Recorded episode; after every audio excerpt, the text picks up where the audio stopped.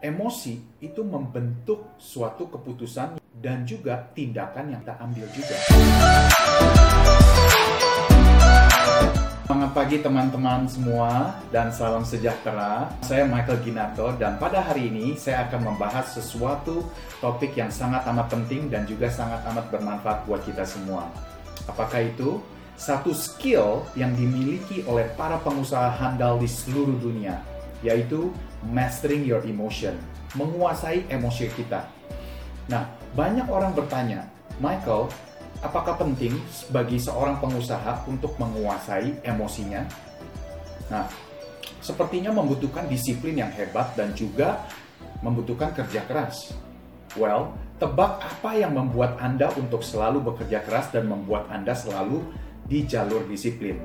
Ya, sebenarnya secara sadar maupun tidak sadar, yaitu penguasaan emosi Anda sendiri. Ya.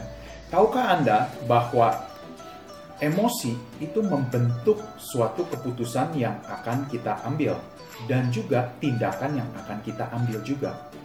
Seringkali kita dengar bukan apa yang terjadi kepada kita, tapi bagaimana kita meresponi situasi yang terjadi kepada kita yang akan menentukan hasil yang kita alami.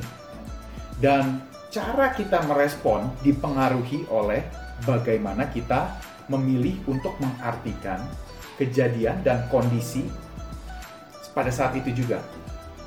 Ini semua berakar dari kemampuan kita untuk menguasai emosi kita secara lebih efektif supaya kita bisa menolong dan berkontribusi untuk mencapai tujuan kita. Nah, di awal tahun 2018, saya sangat amat beruntung karena saya memiliki kesempatan untuk bertemu dengan mentor saya selama 10 tahun ini, yaitu Mr. Tony Robbins.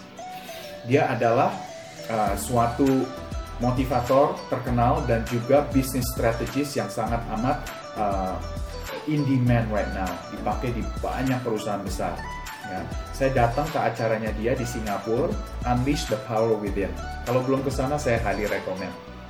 Nah, dia uh, memberikan uh, seminar yang sangat amat luar biasa, yaitu dia meminta saya untuk mengevaluasi diri saya, apa sih sebenarnya yang memotivasi saya untuk mengambil suatu tindakan, dan apa yang membuat saya untuk berhenti.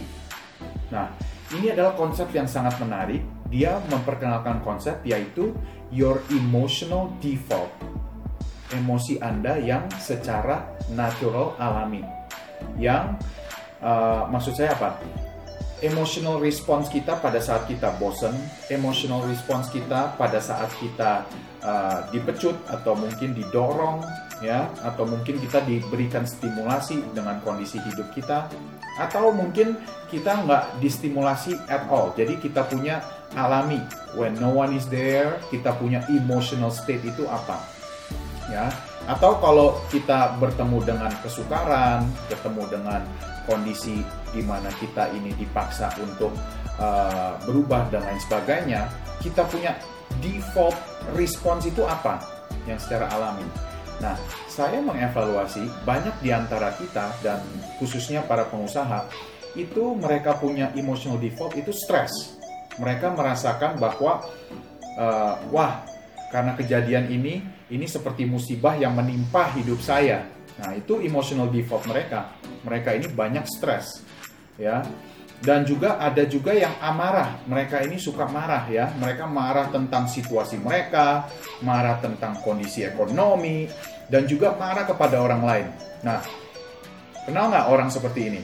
Ya, dan ini adalah emotional defaultnya dia. Ada juga yang kekhawatiran. Orangnya sukanya worry all the time. Ya, natural state-nya. Nah, mereka worry atau khawatir tentang apa yang akan terjadi, mereka worry tentang situasi yang sebenarnya di luar kendali mereka, mereka nggak bisa apa-apa, tapi mereka selalu khawatir terus.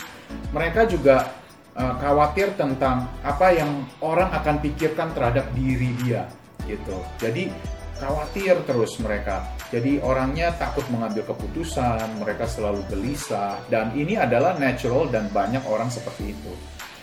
Nah, banyak di antara kita juga merasa inadequacy, artinya merasa tidak pernah cukup, minder aliasnya. Ya, mereka selalu tidak layak, nggak percaya diri, low self esteem dan ini banyak banget orang seperti ini.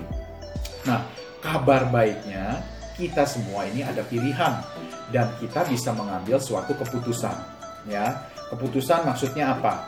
Oke, saya tahu emotional default saya, kondisinya kurang menolong saya di dalam situasi hidup saya ya. Nah, tapi kita bisa memilih ya kan emotional state yang akan menolong kita ya, mempercepat kita mencapai tujuan yang kita mau ya. Nah, kalau kita punya emotional state itu di kiblatnya negatif, yaitu stres, frustasi, khawatir, marah, ragu-ragu, dan pesimis.